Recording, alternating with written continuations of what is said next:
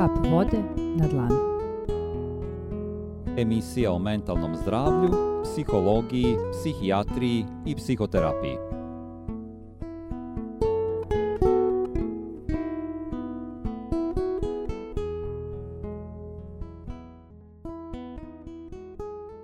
Dobro veče. Slušate emisiju Kap vode na dlanu. Moje ime je Igor Pavluković i večera sam vam pripremio temu o obsesivno-kompulsivnom poremećaju. Za početak e, postavlja se pitanje šta je obsesivno-kompulsivni poremećaj. Ovaj poremećaj ima dva glavna dela pa se zbog toga tako i zove. To su obsesije i prisile. Obsesije su neželjene misli, slike, nagoni, brige ili sumnje koje se više puta pojavljuju u umu osobe koja ima ovaj poremećaj. Ove neželjene misli, slike i sve ostalo mogu naterati osobu da se osjeća vrlo anksiozno, iako neki ljudi ovo opisuju više kao mentalnu nelagodu, a ne kao anksioznost. Prisile su ponavljajuće aktivnosti koje osoba radi kako bi umanjila anksioznost prouzrokovanu obsesijom. To bi moglo biti nešto poput da više puta proverava da li su zaključana vrata, da li je osoba isključila ringlu, zatim da li isključila peglu iz struje, zaključala vrata od kuće, a isto tako to može biti i ponavljanje određene fraze u glavi ili e, često proveravanje kako se osjeća, u kom je stanju njeno telo, e, da li ima simptome neke bolesti i slično. Uglavnom većina ljudi koji opisuju ove simptome govore da se ne radi o tome E, da imaju potrebu da budu uredni, već u tome da nemaju kontrolu nad svojim negativnim mislima. Ovde se više radi o strahu, da ako ne rade stvari na određeni način, to će da im nanese neki vid štete. One posebno mogu biti ozbiljne kada je osoba pod stresom zbog drugih stvari poput životnih promena, zdravlja, novca, posla ili kada je reč o bliskim ili nekim drugim odnosima. Kako žive osobe sa obsesivno-kompulsivnim poremećajem? Iako mnogi ljudi doživljavaju manje obsesivnosti, kao što je na primjer zabrinutost da li su zaključali vrata kada su izašli iz kuće, ili na primjer prisila kao što je izbegavanje pukotina na trotoaru, one se ne uvlače značajno u svakodnevni život i najčešće su kratke i prolazne. Dakle, na primjer, to bi bilo kao kada neko šeta po trotuaru koji je popločan kockicama i onda mora da nagazi punim stopalom na kockicu, ali to ne radi stalno i to je nešto što radi samo povremeno i ne utiče na život te osobe. Dakle, to su ove što su kratke prolazne, ali ako neko ima obsesivno-kompulsivni poremećaj, onda će te obsesije i prisile imati veliki uticaj na to kako ta osoba živi svoj život. Naprimer, šta tu može da se dogodi? Smetnje u svakodnevnom životu osobe koja ima obsesivno-kompulsivni poremećaj jeste da često ponavljanje kompuzija može oduzeti ovoj osobi mnogo vremena i e, isto tako ona neće biti u mogućnosti da e, normalno obavlja svoje svakodnevne obaveze, na primjer da ide na posao, da održava dobre odnose sa porodicom i prijateljima, a čak ima problema na primjer sa ishranom ili sa izlaskom napolje. Obsesivne misli mogu da otežaju koncentraciju i da ostave osobu koja ovo ima iscrpljeno. Ovaj poremećaj ima negativan uticaj na odnose. Osoba koja ima obsesivno-kompulsivni poremećaj može da osjeća kako mora da sakrije ovaj svoj poremećaj od bliskih osoba i e, zbog toga nailazi na teškoće u odnosima. Često ovi ljudi osjećaju stid ili usamljenost najčešće se stide svojih obsesivnih misli ili se brinu da će ih ljudi pogrešno razumeti, osuditi, pa zbog toga imaju potrebu da sakriju ovaj deo sebe od drugih ljudi i e, zbog toga im nekad može biti i teško da izlaze napolje, da budu u društvu, e, da se osjećaju zbog toga izolovano, pa čak i usamljeno. Ovi ljudi se često mogu osjećati anksiozno i pod stresom na primjer, osjećaju da postaju robovi svojim prisilama i da ih moraju obavljati toliko često da imaju malo ili nimalo kontrole nad njima. Postoje tu i neki srodni poremećaji mentalnog zdravlja koji su slični obsesivno-kompulsivnom poremećaju jer uključuju ponavljajuće misli, ponašanja ili neke nagoveštaje. Na primjer, e, postoji takozvani perinatalni obsesivno-kompulsivni poremećaj e, koji se može osjećati tokom trudnoće ili nakon porođaja. E, zatim tu je telesni dismorfični poremećaj koji uključuje obsesivnu zabrinutost zbog jednog ili više uočenih nedostataka u fizičkom telu osobe i razvijanje kompulzivnih rutina kako bi se ova osoba mogla nositi sa brigama oko sobstvenog izgleda. Tu je i kompulzivno pranje kože. Na primjer, to može biti ponavljeno pranje ruku ili, na primjer, nekog dela tela kao što je lice, vrat, noge. E, dakle, to se odnosi na kožu da bi osoba ublažila anksioznost ili e, prisilu koju osjeća. Ovo se može e, doživeti i kao deo poremećaja telesne dismorfije. U ovom slučaju postoji i kompulsivno pranje recimo zuba. Zatim tu postoji i e, trihotilomanija, a to je kompulzivni nagon da se čupa kosa ili dlake sa nekog drugog dela tela.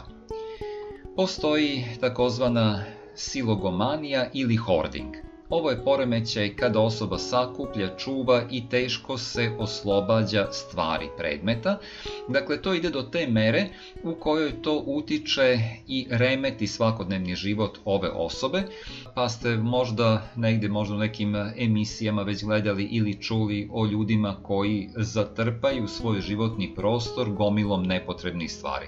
Dakle, ovi ljudi idu u tu krajnost da čuvaju nepotrebne papire, kese, se ništa ne bacaju, ničeg se ne rešavaju. Ovde imamo i obsesivno-kompulsivni poremećaj ličnosti. Ovo je vrsta poremećaja ličnosti i ima neke e, sličnosti sa obsesivno-kompulsivnim poremećajem, ali e, se drugačije ispoljava. Ono što je simptom obsesivno-kompulsivnog poremećaja ličnosti jeste da, je, e, da su ove osobe rigidne, tvrdoglave i sklone ka osuđivanju drugih. Na primjer, osobe koje pate od obsesivno-kompulsivnog poremećaja svesne su da imaju problem. A pojedinci koji imaju obsesivno-kompulsivni poremećaj ličnosti smatraju da su njihovi rigidni pogledi na svet ispravni i da su drugi ljudi ti koji bi trebalo da se menjaju. Na primjer, simptomi ljudi koji pate od obsesivno-kompulsivnog poremećaja često isputavaju da budu funkcionalni na poslu, e, dok s druge strane ljudi sa obsesivno-kompulsivnim poremećajem ličnosti e, često e, se ponašaju kao radokoličari, ali u isto vreme često imaju probleme sa perfekcionizmom, takođe su skloni da odlažu neke obaveze u radu i imaju veće probleme sa kolegama, autoritetima, generalno posebno sa autoritetima i drugim ljudima i to sa onima koji se ne slažu sa njihovom sitničavošću i životnom filozofijom. Isto tako je važno znati da ako neko ima obsesivno-kompulsivni poremećaj, uobičajeno je da postoje i drugi mentalni zdravstveni problemi kao što su anksioznosti ili depresije. Ovo e, ponekad može da oteža diagnostikovanje ili lečenje obsesivno-kompulsivnog poremećaja.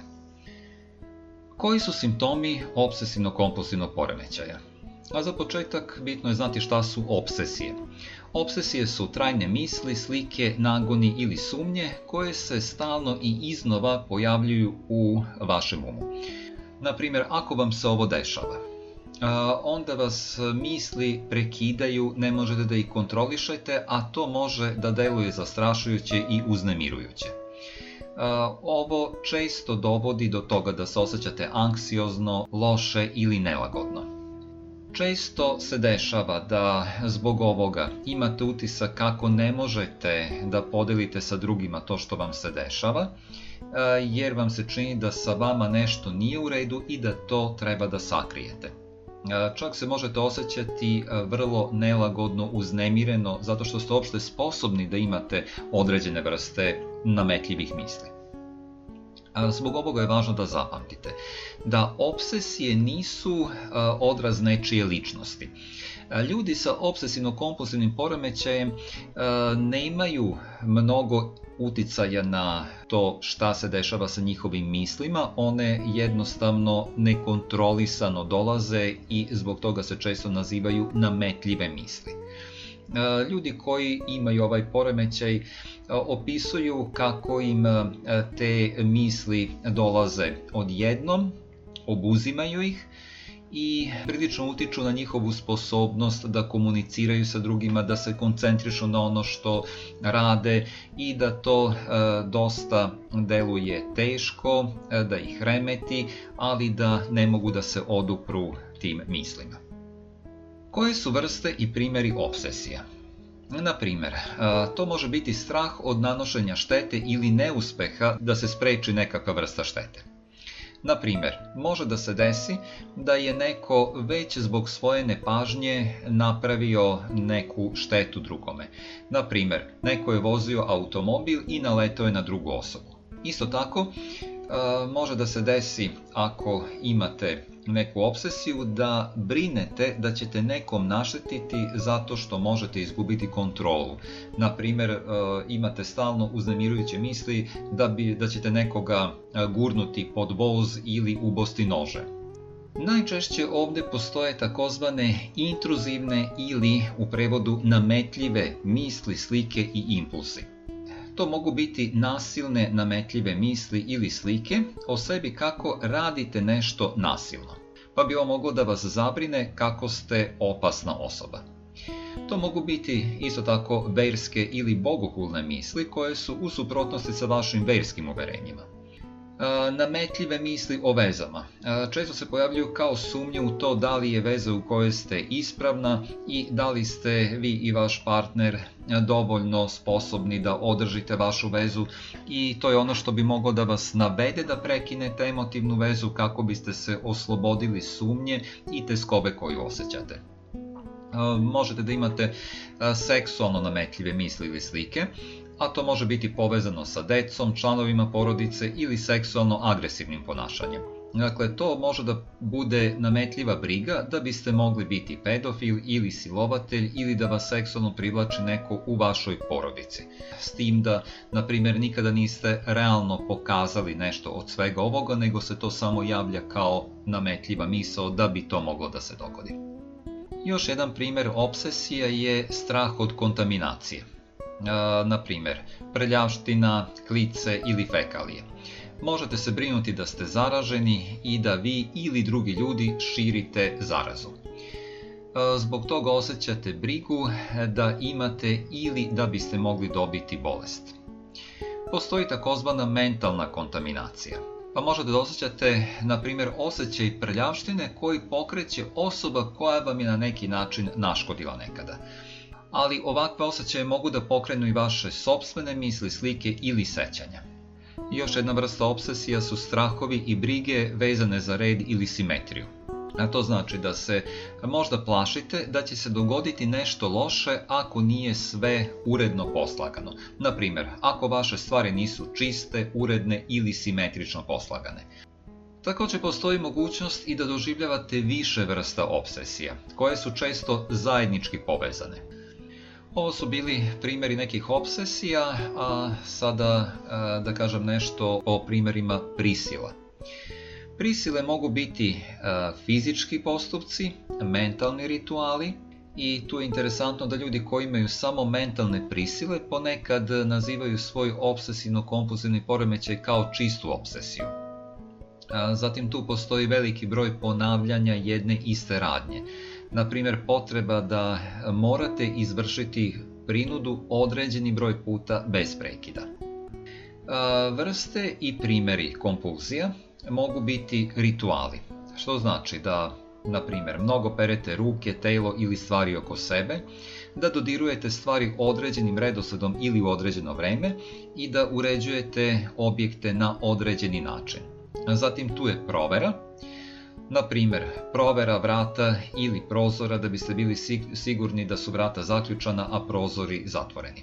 Zatim proveravanje vašeg tela ili odeće da li je dovoljno čista kako se ne biste nečim zarazili. Pa zatim proveravanje vašeg tela da biste vidjeli kako reagujete na nametljive misli. Proveravanje memorije kako biste bili sigurni da se nametljiva misao zapravo nije dogodila proveravanje puta do posla kako biste bili sigurni da niste izazvali neku nesreću. Sledeća prisila može da bude potreba da ispravljate svoje misli. Što znači ponavljate reči, imena ili fraze u vašoj glavi ili naglas, računate do određenog broja, zatim menjate nametljivu misao drugom slikom, Ovde postoji i reosiguranje, što znači da neprestano molite druge ljude da vam kažu da je sve u redu. Pomenuo sam pojam čisto obsesivno. Šta je zapravo čisto obsesivno? A da ljudi ponekad koriste ovu frazu da opišu vrstu obsesivno-kompulsivnog poremećaja, gde doživljavaju uznemirujuće nametljive misli, ali gde ne postoje spoljašnji znakovi prisile. Naprimer, e, proveravanje da li ste zaključali vrata, zatvorili prozore, često pranje ruku i slično. Ovaj naziv pomalo dovodi u zabludu jer na neki način sugeriše da ovde uopšte nema prisiljavanja, ali zapravo to je deo obsesivno-kompulsivnog poremećaja. To znači da ako imate čistu obsesiju, vi i dalje imate mentalne prisile, ali ih možda niste svesni. E, obzirom da one nisu toliko očigledne kao fizičke prisile, onda ponekad može biti teško tačno odrediti o čemu se radi. I evo nekoliko primjera unutrašnjih prisiljavanja. E, to je provera kako se osjećate. Naprimer, proveravate da li ste još uvek zaljubljeni u svog partnera. Zatim provera telesnih senzacija. Na primjer, možete proveravati e, da li vas je pokrenula nametljiva misao, onda provera kako se osjećate prema nekoj misli. Na primjer, možete proveravati da li ste još uvijek uznemireni tom mišlju. Zatim ponavljanje fraza ili brojeva u vašoj glavi. Provera da li imate još uvek neku misao. Većina osoba sa obsesivno-kompulsivnim poremećajem e, opisuje da priprema za nešto može da uključuje veliki broj pranja ruku i još nekolicinu mentalnih rituala zbog čega se oni osjećaju vrlo uznemireno, imaju potrebu na primjer da ostanu u krevetu i prespavaju ceo dan, ali im njihove prisile to ne dozvoljavaju i oni moraju da ih ponavljaju. Ovde imamo i takozvano izbegavanje. Dakle, ove osobe mogu otkriti da neke aktivnosti, predmeti ili iskustva pogoršavaju njihove obsesije ili prisile. I sad, na primjer, ako je neko ko ima obsesivno-kompulzivni poremećaj zabrinut da bi nekoga mogao ubosti nožem, onda će izbegavati kuhinju zato što tamo najčešće stoje noževi ili će uopšte izbegavati bilo koje mesto, prostoriju gde zaista stoje noževi i ponekad s ovim ljudima može činiti lakše da izbegavaju situacije koje ih navode da moraju da obavljaju svoju prisilu. Na primer, ako svaki put kad izlaze iz kuće moraju da obavljaju dug i dugotrajan ritual, da se pripremu uopšte da bi izašli iz kuće, onda će jednostavno odlučiti da je lakše da budu u zatvorenom, da ne izlaze iz kuće ali opet i ovo izbegavanje stvari može imati veliki i naravno negativni uticaj na život ovih osoba. U ovom delu sam pričao o tome šta je obsesivno-kompulsivni poremećaj i kako se manifestuje, koji su mu simptomi. A sada idemo na kratku muzičku pauzu i u drugom delu govorim o metodama pomoći.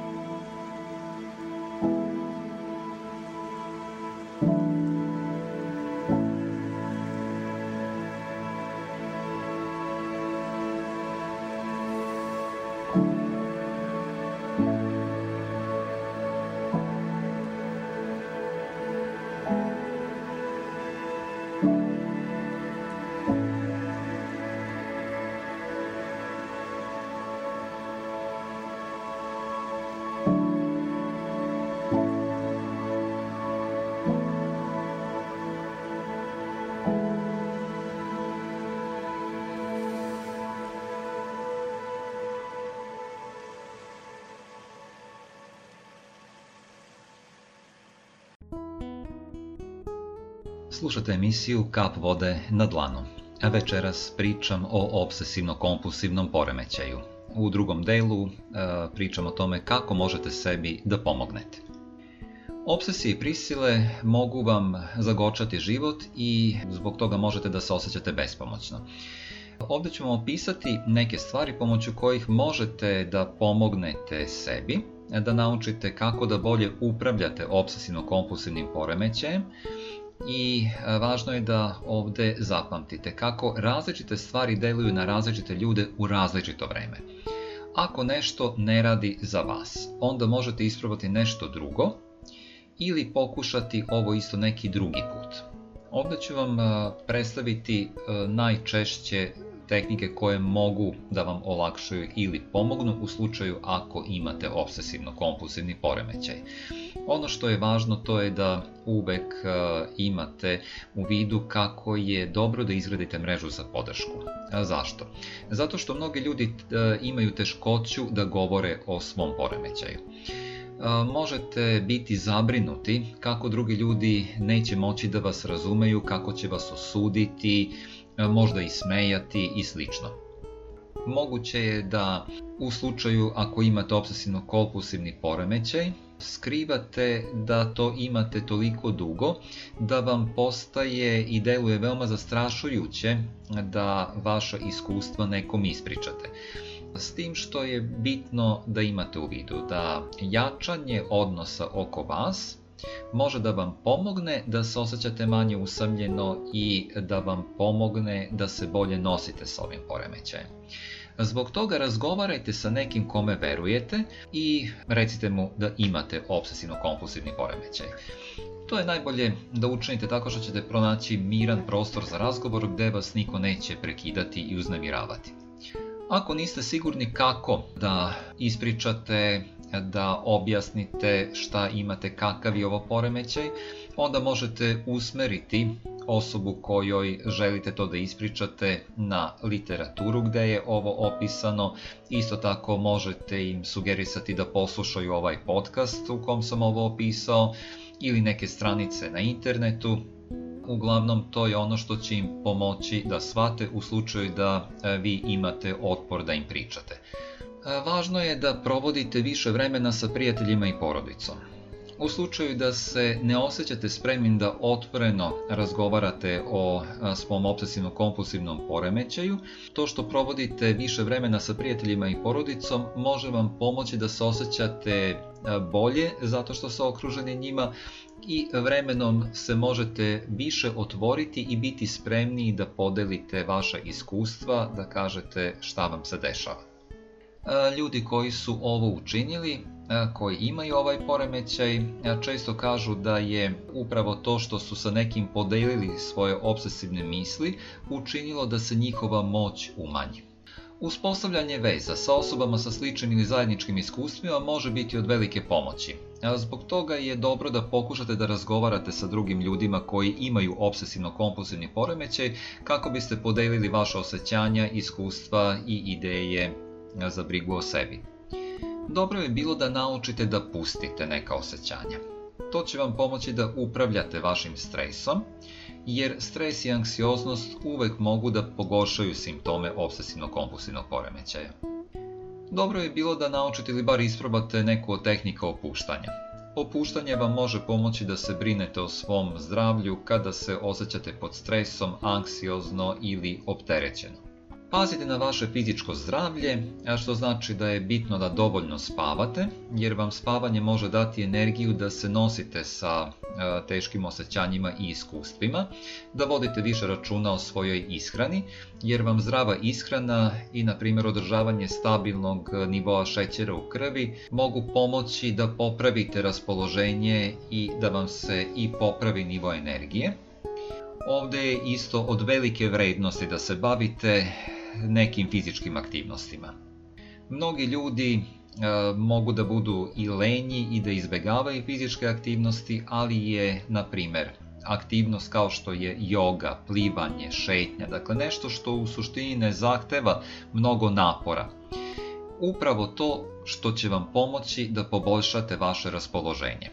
Zbog toga je bilo koja vrsta fizičkih aktivnosti značajna, da li će to biti obična šetnja, e, da li će biti neko, e, neka vrsta plesa, igranja, važno je da pronađete upravo ono što vama odgovara i što vam ne oduzima mnogo vremena, a u isto vreme e, vas i čini raspoloženiji. Dakle, bitno je da osjećate motivaciju da to uradite. Što se tiče samih tretmana, E, prvi korak za lečenje obsesivnog kompulsivnog poremeća je da e, posetite vašeg lekara ili e, psihijatra ili psihoterapeuta. Bitno je da se obratite stručnjaku za mentalno zdravlje sa kim možete da razgovarate o vašim simptomima i koji će vam savetovati različite ali adekvatne mogućnosti za lečenje. Ukoliko ste zabrinuti E, zbog razgovora sa lekarem ili psihijatrom, psihoterapeutom, to vam može otežavati da potražite adekvatnu pomoć. E, šta je ovde najčešće primećeno?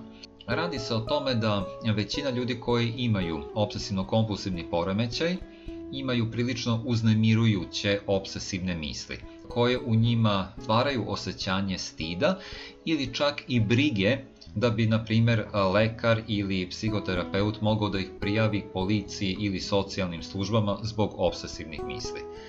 U svakom slučaju važno je da znate e, da vas e, neće niko prijaviti zbog obsesivnih misli. Prema tome dobro je da se javite psihoterapeutu, psihijatru, lekaru.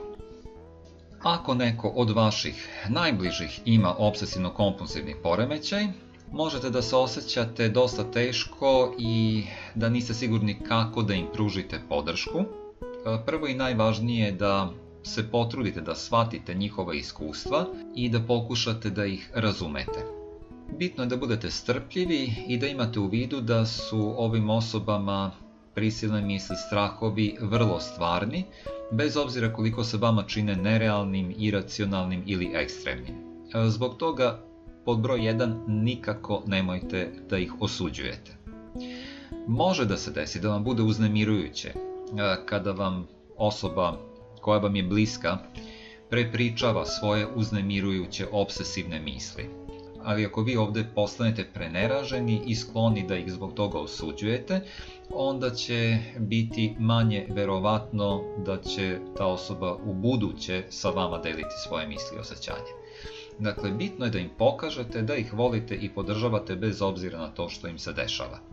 Zbog toga je bitno da se što bolje informišete o obsesivno-kompulsivnom poremećaju, jer će vam to pomoći da shvatite kroz šta prolaze ove osobe.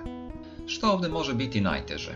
E, na primjer kada razmišljate kako da se nosite sa e, njihovim e, prisilnim mislima, onda možete pomisliti da ćete dobro učiniti ako im pomažete da izvrše radnje na kojih navode prisilne misli i da ih uveravate da je u redu da se ponašaju tako.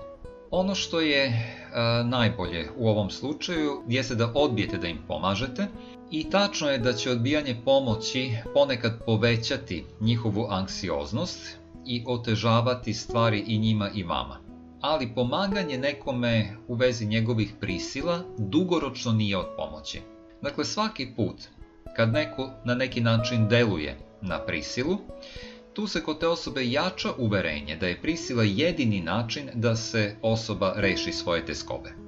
Zbog toga vi možete pomisliti da je potrebno da im tu pomognete da izvrše svoje prisile, ali ako se zaustavite i odbijete da im pomognete, onda će oni da shvate da im vi ne pomažete zato što vam je stalo do njih. Najbolje što možete da učinite jeste da se dogovorite o pristupu koji je prihvatljiv za oboje. I ono što je uvek najvažnije jeste da im pružite podršku da pristupe lečenju, ali profesionalnom lečenju da se obrate stručnjaku za mentalno zdravlje. Za kraj hoću da vam kažem još da ukoliko imate obsesivno-kompulsivni poremećaj ili bilo šta drugo što vam remeti svakodnevni život, možete u svako doba da se javite na razgovor i psihoterapiju u e, psihoterapeutsku i psihijatrijsku ordinaciju Anđelke Kolarević.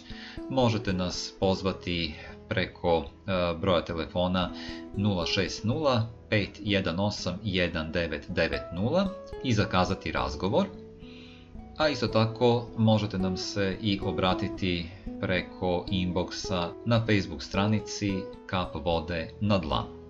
Prijatno do slušanja. Kap vode na dlan.